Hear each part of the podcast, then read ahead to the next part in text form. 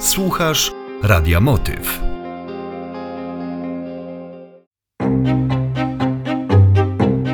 Hanka.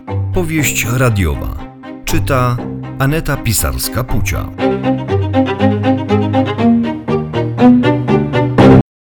Powieść radiowa Hanka. Odcinek 44. Dwie walizki. I nadszedł ten dzień. Hanka poleciała do Stanów odwiedzić Marko. Wyjechała z jedną walizką, a wróciła z dwiema i z samym Marko na pokładzie. Nie wiem, jakim cudem ona to zrobiła, ale widocznie miała swoje sposoby. Na pewno romantyczne kolacje i długie wieczorne rozmowy przyczyniły się do tego, że Marko spakował swój dobytek w walizkę, porzucił intratną perspektywę rozwoju zawodowego i teraz siedzi obok Hanki w samolocie.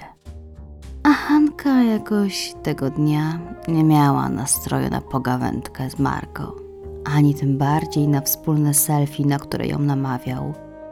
W głowie miała historię z wczorajszego dnia i ten dziwny telefon, który popsuł jej cały wieczór. Przeszłość wróciła jak tajfun.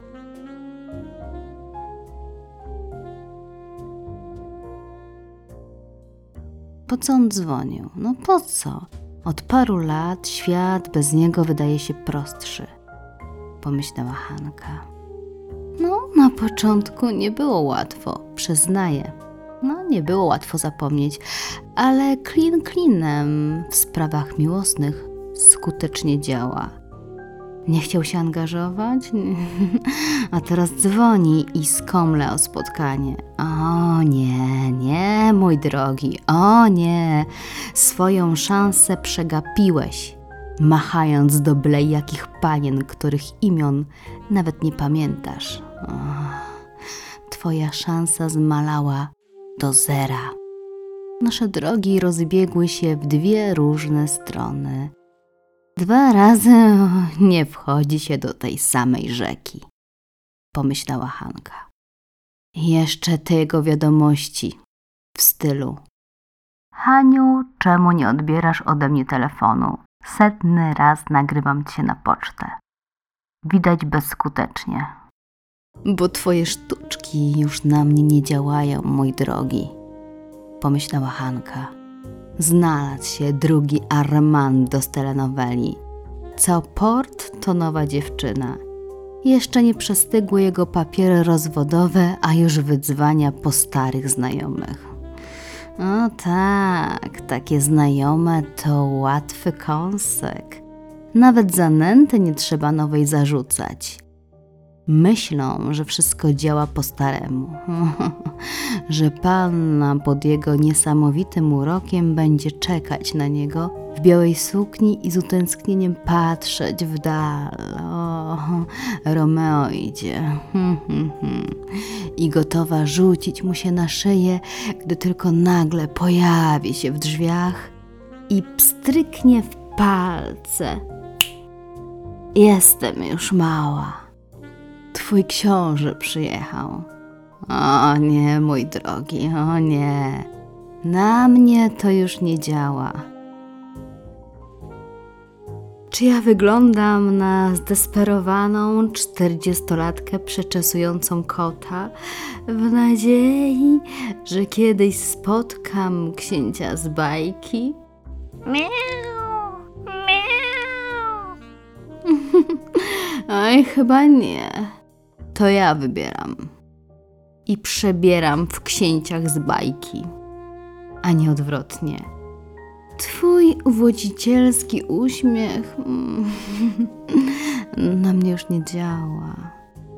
I prawdę mówiąc, zszedł całkiem na psy z biegiem czasu. Nie jesteś już tym samym Armando z brazylijskiego serialu. Oj nie. Może tak było parę lat temu, ale nie teraz, nie. Mm, ten pokaźny brzuszek mm, i parę krzywych zmarszczek psują ci nieco wizerunek Lovelasa. Mhm, I będziesz musiał zmienić target swojego uśmiechu nieco obniżyć poprzeczkę oczekiwań.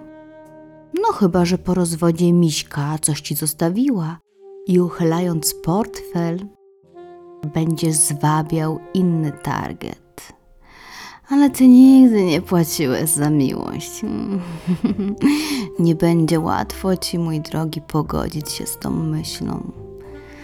Aj, biedny Armando, biedny. Właśnie się rozwiódł, bo mu ciężko było być tatą i przykładnym mężem. Ignorant.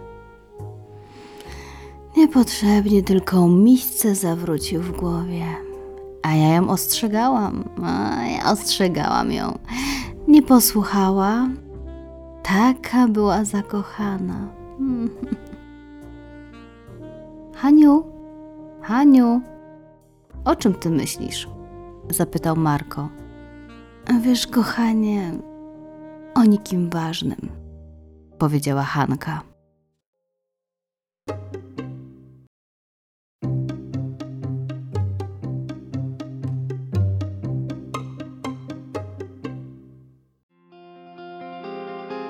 Słuchasz Radia Motyw.